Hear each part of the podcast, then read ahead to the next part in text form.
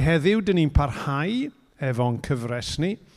Um, a na i rannu cyfrinach efo chi, nes i anfon neges i'r gweinidog neithiwr, a nes i ddeud, Rhys, dwi'n poeni, achos mae fy nodiadau i yn hir iawn. So nes i ddeud, dwi'n mynd i cadw llygad ar y match.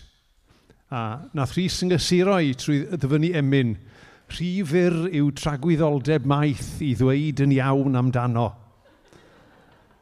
Ond dyn ni'n mynd i fod yma hyd tragwyddoldeb, ond falle bydd ychydig bach yn hirach na garfer. Anyway, dyn ni'n mynd i droi at air diw a dyn ni'n mynd i ddarllen uh, gyda'n gilydd uh, o Llythyr Cyntaf Iowan, penod 3, adnod 1 ar 10 i 24 am i fydd y geiriau yn ymddangos ar y sgrin.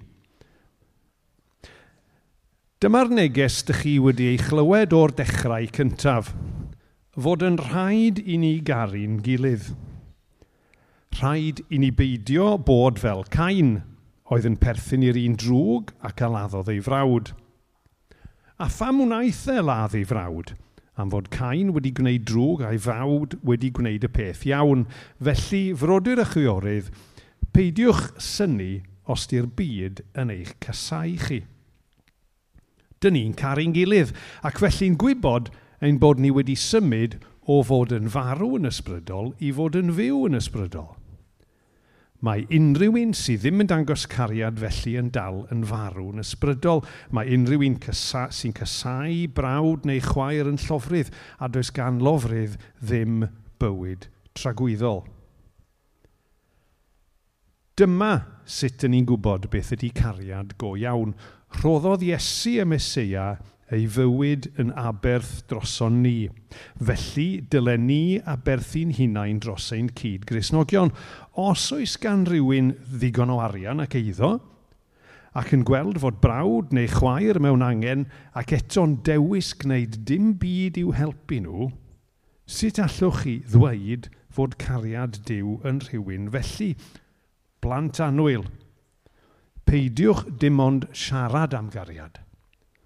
Gwnewch rhywbeth i ddangos eich cariad. Dim ond felly mae bod yn siŵr ein bod yn perthyn i'r gwir. Dyna'r unig ffordd i gael tywelwch meddwl pan fyddwn ni'n sefyll o flaen diw. Hyd yn oed os ydyn ni'n teimlo'n eog a'r gydwybod yn ni'n condemnio ni. Cofiwch, mae diw i'w chlaw ein cydwybod ni ac mae e'n gwybod am bob dim. Ffrindiau anwyl, os ydy'r gydwybod yn glir, gallwn sefyll yn hyderus o flaen diw.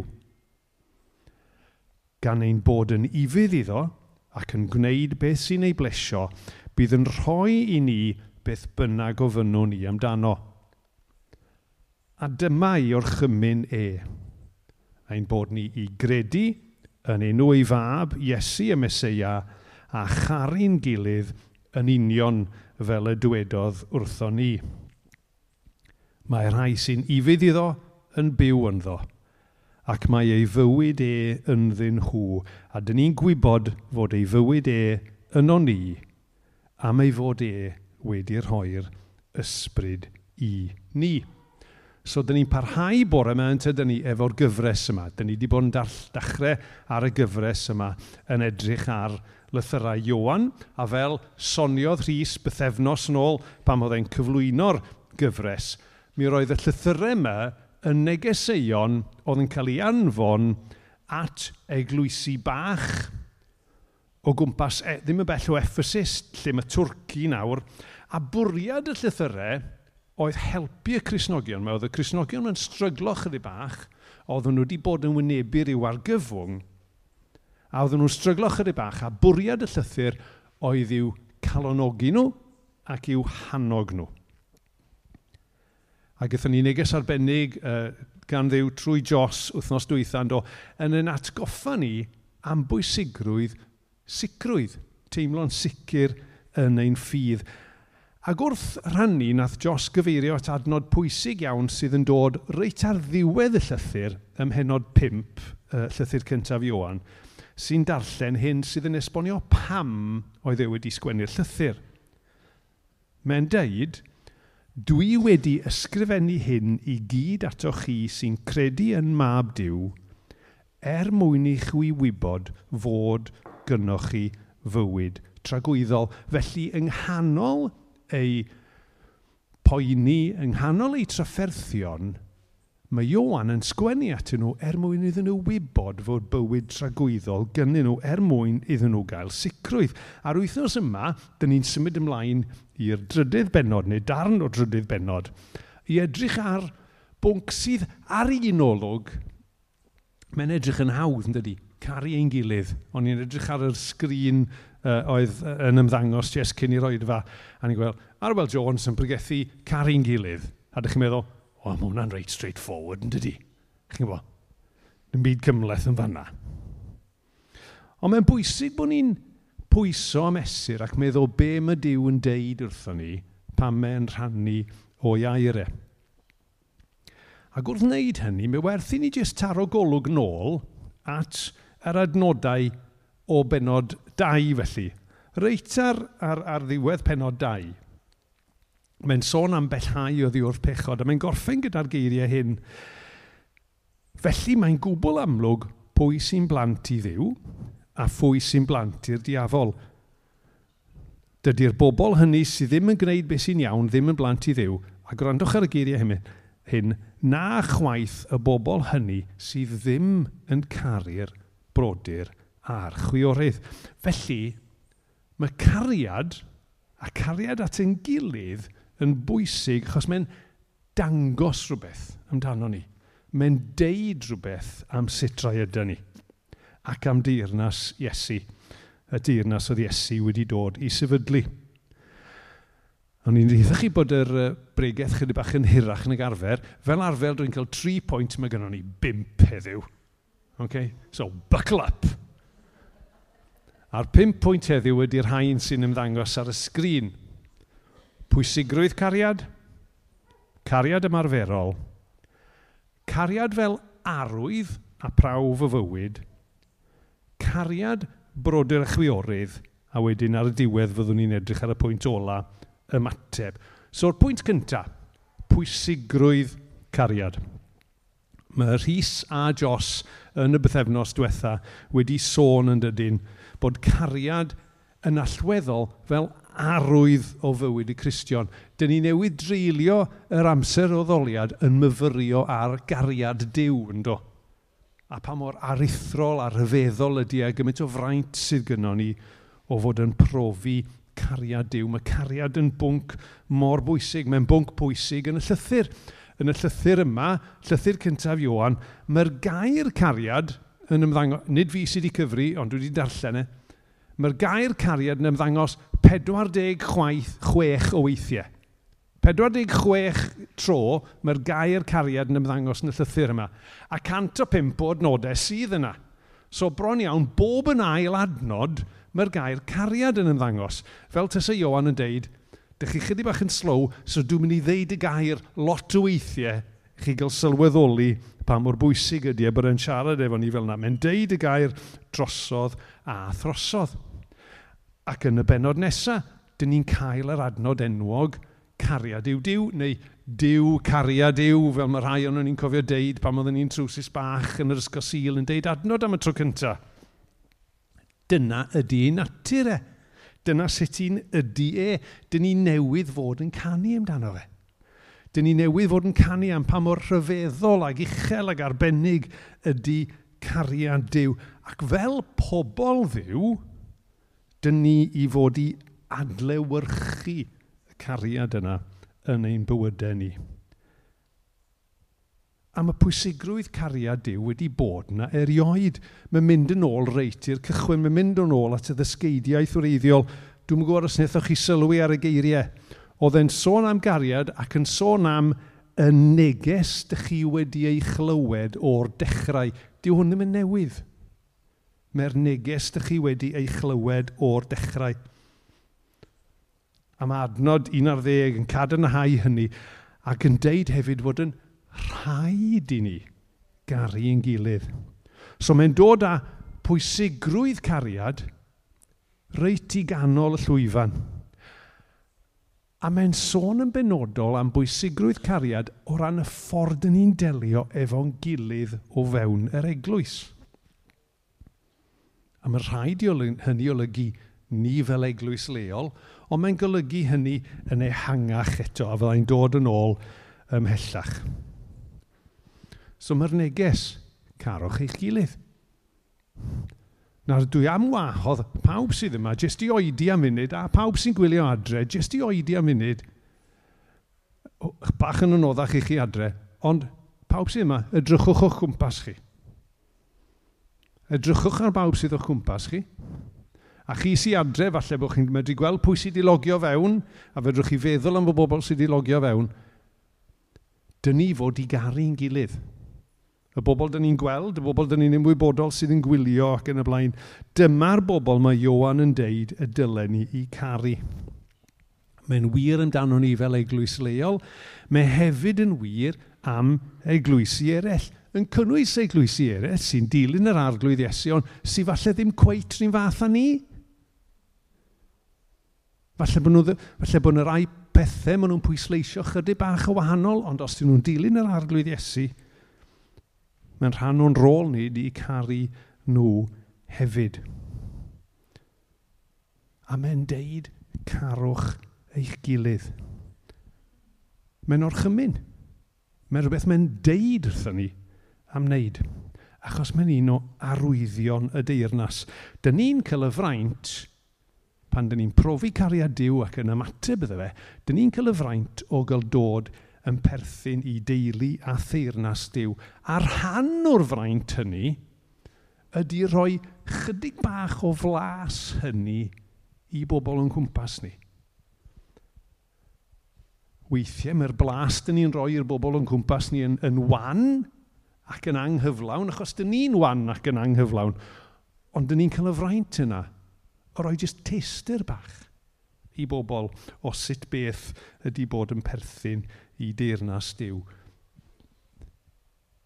Mae cariad felly yn bwysig. Ond be di e? Hynny yw, dyn ni wedi defnyddio'r gair, ond be di'r cariad yna sydd i fod yn amlwg yno ni? Ac ar y pwynt yma, dwi'n symud mlaen i'r ail bwynt, a dwi eisiau ni weld a pwysleisio bod y cariad yna i fod yn gariad ymarferol. Be di'r cariad yma uh, dyn ni'n sgwen, mae Johan yn sgwennu dan fe.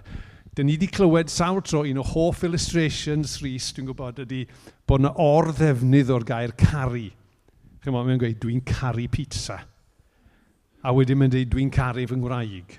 A dyw'r un am yn gallu bod yr un peth. Ac wrth gwrs, mae'n eiriau gwahanol yn does yn y Testament Newydd amdanyn nhw. Chymo, dwi'n caru rhaglen dyledu chmo, dwi'n quite yr un peth, nag di. Chi'n gwybod? Yn naturiol, mae'n golygu rhyw deimlad emosiynol, yn dydi?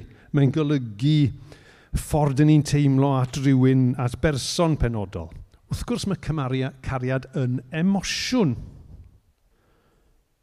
Ond dyn ni'n just yn sôn am ryw emosiwn fluffy yma. Mae yna le i emosiwn, dyn ni'n greaduried emosiynol. emosiynol ond mae cariad diw tuag ato ni, y cariad yr agape yna, dyn ni'n darllen yn dan fe yn y Testament Newydd, yn gariad dofn sydd yn aberthu dros bobl eraill, ac yn fwy na dim, mae'n gariad ymarferol.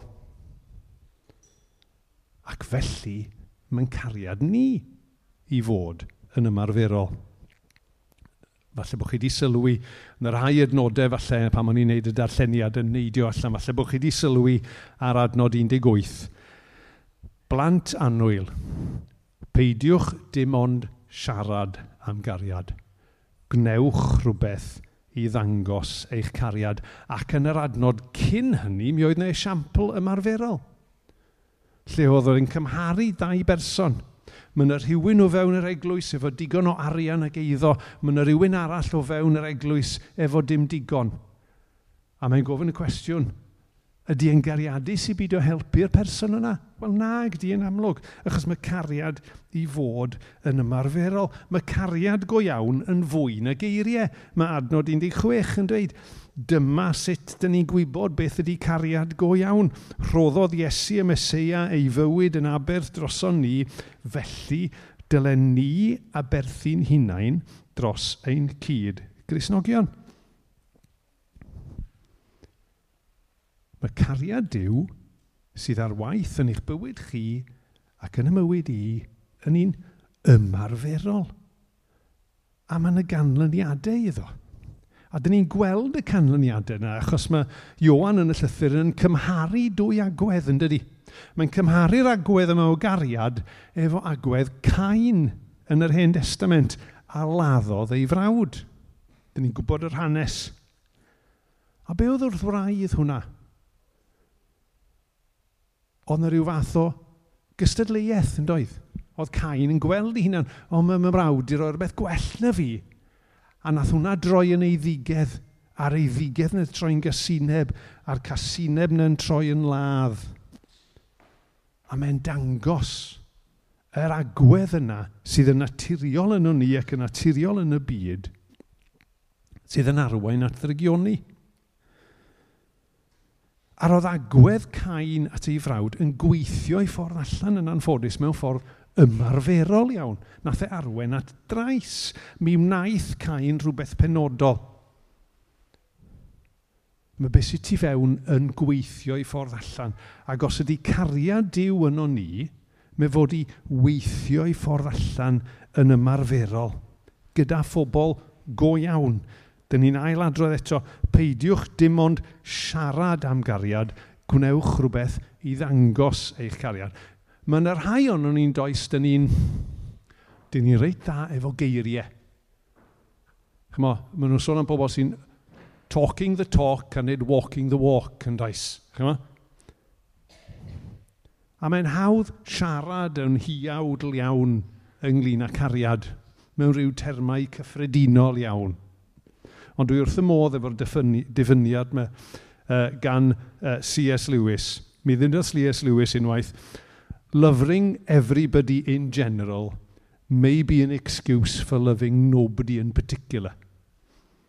Chyma? Gryndwch arnyn nhw eto, ond Loving everybody. Dwi'n gweld pobl, pobl ww, gwingon i seti yn gwrando ar yna. Loving everybody in general may be an excuse for loving nobody in particular. Ond mae cariad Dyw eisiau ni estyn at bobl. Bobl sydd efo anghenion arbennig. Ymlaen i'r pwynt nesaf, mae cariad yno ni yn arwydd ac yn brawf o fywyd. Nawr, mi soniodd Jos wythnos diwetha fod byw mewn cariad yn un o'r pethau oedd yn gwneud ni'n siŵr o waith diw yno ni. Ac fe ddyfynodd e efengil Iwan, uh, Iwan 13, 35. Dyma sut bydd pawb yn gwybod eich bod chi'n ddilynwyr i mi am eich bod chi'n caru eich gilydd. So mae cariad felly yn dangos rhywbeth. Mae'n arwydd o rhywbeth. Dyn ni wedi deall yn barod fod byw mewn cariad yn golygu rhywbeth real. Mae pobl yn medru i weld. Yn llythyr cyntaf Pedr, uh, penod 1, adnod 22, dyn ni'n darllen y gair yma. Am eich bod chi bellach yn dilyn y gwir, dych chi wedi cael eich gwneud yn lân, a gwrandwch, dych chi wedi cael eich gwneud yn lân ac yn dangos gofal go iawn am eich gilydd. Felly, daliwch ati i garu eich gilydd a hynny o weilod calon. Ydych chi sylwi ar hynna? Dych chi wedi eich gwneud yn lan ac yn dangos gofal iawn am eich gilydd. Os di gwaith diw yno o'n mae hwnna'n gweithio i ffordd allan.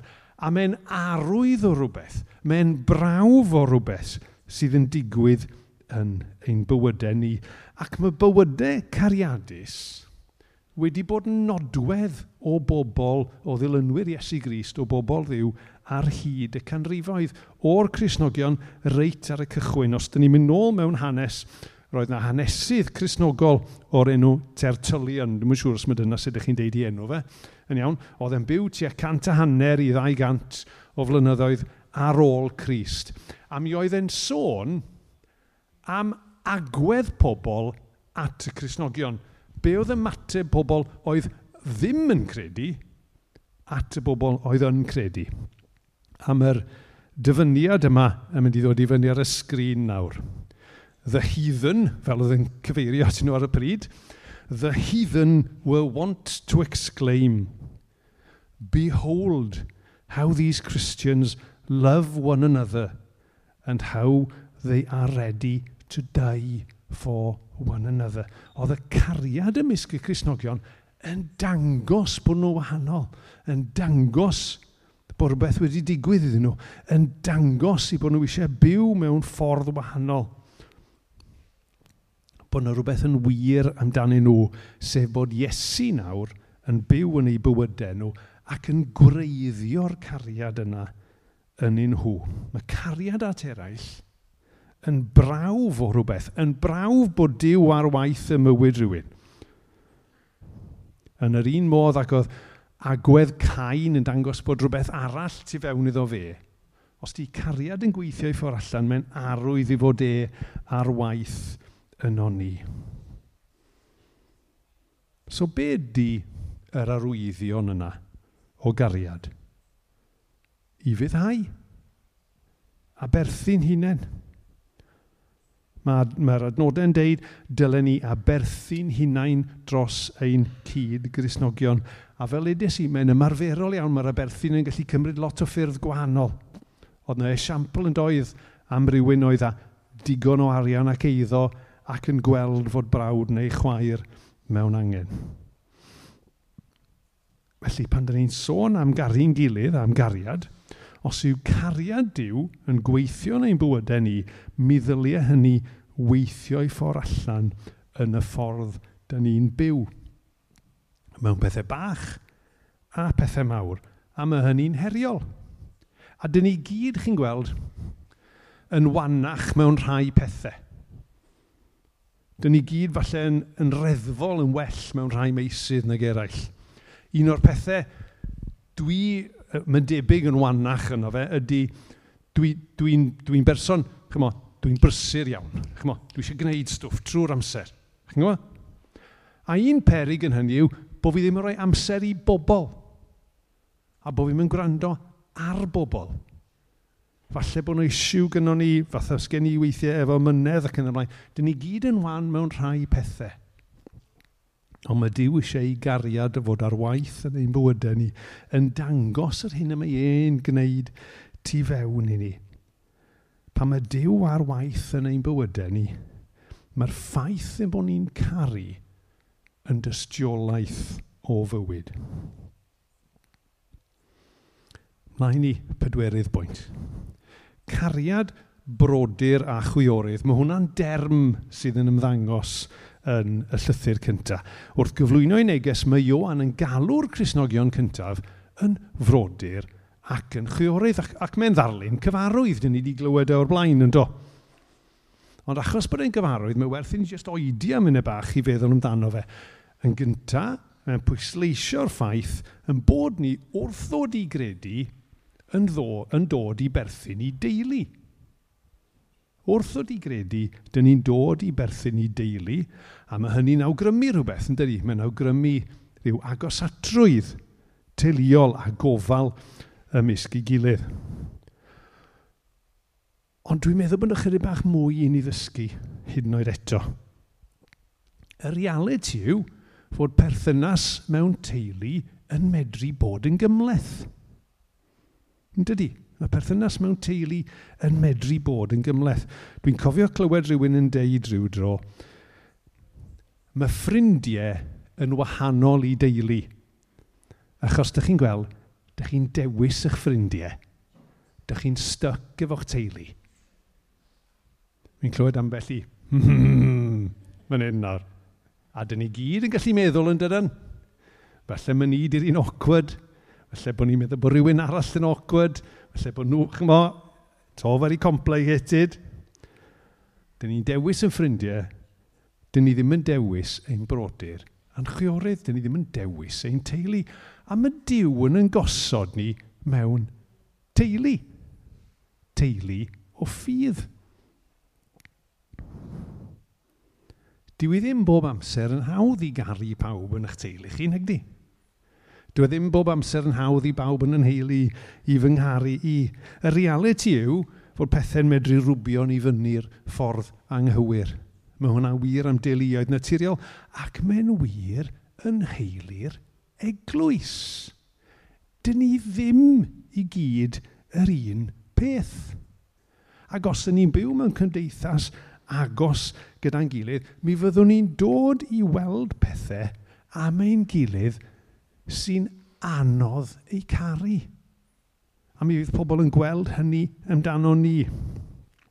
Os ydyn ni mond yn caru'r bobl dyn ni'n ei hoffi nhw'n naturiol, pa werth ydy hynny? Be mae hwnna'n dangos? mewn teulu ac yn heili ffydd, dyn ni weithiau yn gorfod dysgu caru. Ac mae Dyw wedi'n gosod ni mewn teulu ffydd gyda pobl, falle na fydden ni'n naturiol, ddim yn cysylltu efo nhw. Dwi'n meddwl bod amrywiaeth o fewn eglwys yn, yn, yn, yn, yn arbennig iawn ac yn bwysig iawn. Achos dwi'n meddwl bod e'n rhan o gynllun diw i'n dysgu ni i garu. Caru'r amrywiaeth y bobl yma, sydd ddim bob amser yn cyd-fynd â ni ar bob peth, fel unrhyw deulu. A mae hyn yn wir mewn eglwys leol, a fel edes i, mewn wir yn ehangach hefyd efo glisi eraill sydd yn dilyn Iesu. Mae yna bobl eraill sy'n perthyn i'r eglwys ehangach sydd falle yn addoli mewn ffordd wahanol i ni, efo pwyslais gwahanol a rai pethau eilradd i ni, ond dyna gynllun diw yn gosod ni mewn eglwys fel ffordd o'n dysgu ni sut mae caru. Caru go iawn, caru fel nath Iesu garu. Caru fel nath Iesu ein dysgu ni. Grandwch ar y geiriau enwog yma o Matthew penod 5. Carwch eich gelynion a gweddiwch dros yr rhai sy'n eich erlyd chi. Wedyn byddwch yn dangos eich bod yn blant i'ch tad yn y nefoedd am mai dyma'r math o beth mae ein ei wneud. A chi'n gwybod, gaethon ni amser hyfryd o addoli yn do, yn canu am gariad aruthrol diw, mor rhyfeddol, mor aruthrol, gariad gwyllt fy niw. A mae hwnna i fod yn wir amdano ni. A mae rhan o'i waith. E.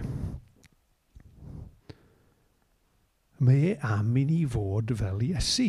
Ac er mwyn yn dysgu ni i wneud hynny, mewn yn gosod ni mewn sefyllfaoedd ac mewn eglwysi falle, lle nad ydyw pawb yn cydredeg yn hollol esmwyth. Nad ydy pawb cweit yr un fath bob tro. Ond be mae'n deud ydy hyn, felly frodyr a chwiorydd. Dyn ni'n caru'n gilydd ac felly'n gwybod ein bod ni wedi symud o fod yn farw'n ysbrydol i fod yn fyw yn ysbrydol. A dyn ni'n dod at y pwynt ola yn ymateb ni. A cyn i ni adael y neges ar yr adnodau yma, dwi jyst eisiau ni feddwl a delio ag un peth. Mae'n bosib, chi'n gweld, i ni wrando ar geiriau yma, i ni wrando ar y cysur sy'n gael, ond falle'n fwy pwysig i ni wrando ar yr her yma a meddwl, o oh, gosh, mae hwnna'n rhiannodd. O oh, waw, dwi ddim fel yna. A dyn ni'n medru ame. Chi'n gwybod, mae'n y berig. Y perig yw bod ni'n gwrando ar y neges yn meddwl am safon uchel cariad Iesu a meddwl, wel, dim dyna lle dwi. Ac felly bod ni'n ame ydy diw ar waith yno ni. Nawr, fe ni'n trafod hwn yn y grŵp cymuned nos fawrth. So, dwi'n mynd i rhannu efo chi rhai pwyntiau wnaethon ni rhannu yn y grŵp cymuned ni nos fawrth. Os ydyn ni'n ame o, dwi ddim yn cyrraedd y safon yna. Dwi ddim yn ddigon da. Os ydyn ni'n amme, dyma rhai pethau allan helpu ni. Just tri peth bach. Yn gyntaf, os ydyn ni'n teimlo, dyn ni ddim yn ddigon da, os ydyn ni'n teimlo bod ni'n methu, y pwynt cyntaf yw, dyna sut mae pobl Dyw wedi teimlo erioed.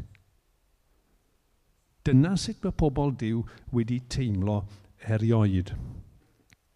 Gwrandwch ar y geiriau yma gan yr apostol Paul yn y llythyr at yr ifeiniaid.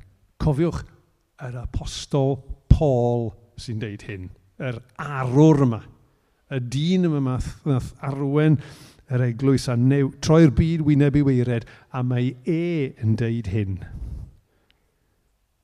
Yn lle gwneud y pethau da, dwi eisiau ei gwneud, dwi'n dal ati i wneud y pethau drwg dwi ddim eisiau ei gwneud.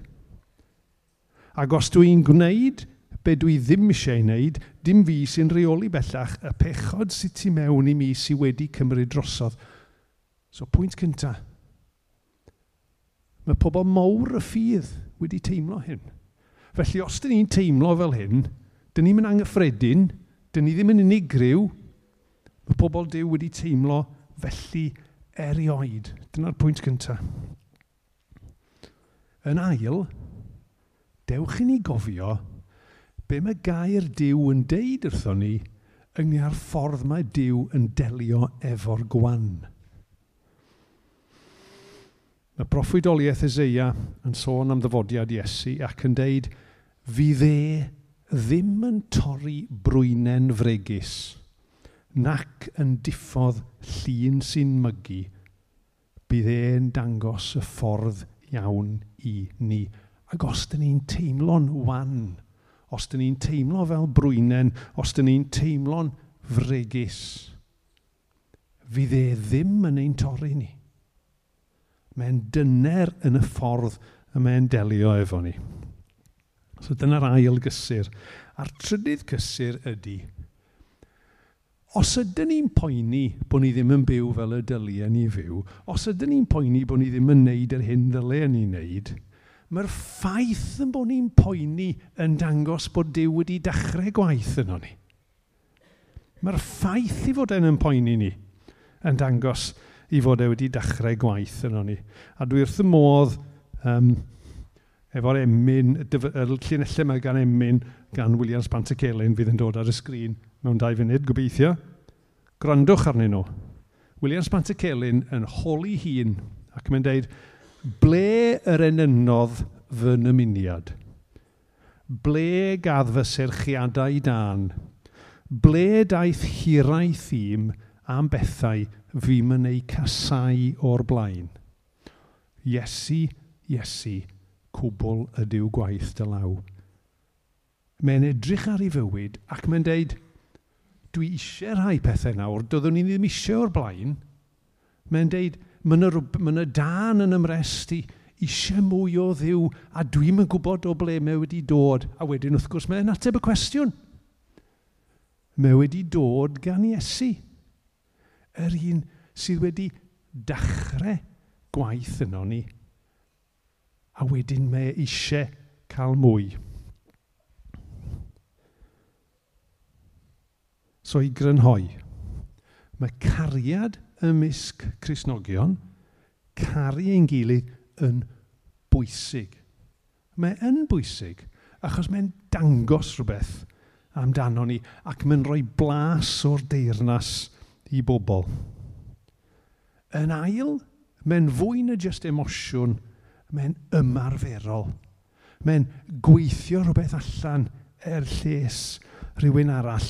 A mae'r cariad yna, pan mae'n cael ei weithio allan, yn arwydd ac yn brawf o fywyd diw ym mywyd rhywun. A dyn ni wedi gweld, dydy cariad brawd a chwaer, dwi e ddim bob amser yn hawdd, ond dyn ni medru dysgu caru ein gilydd.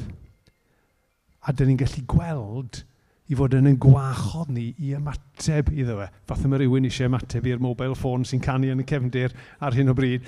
Falle bod chi wedi methu hwnna adre, oedd e'n very exciting yn y stafell.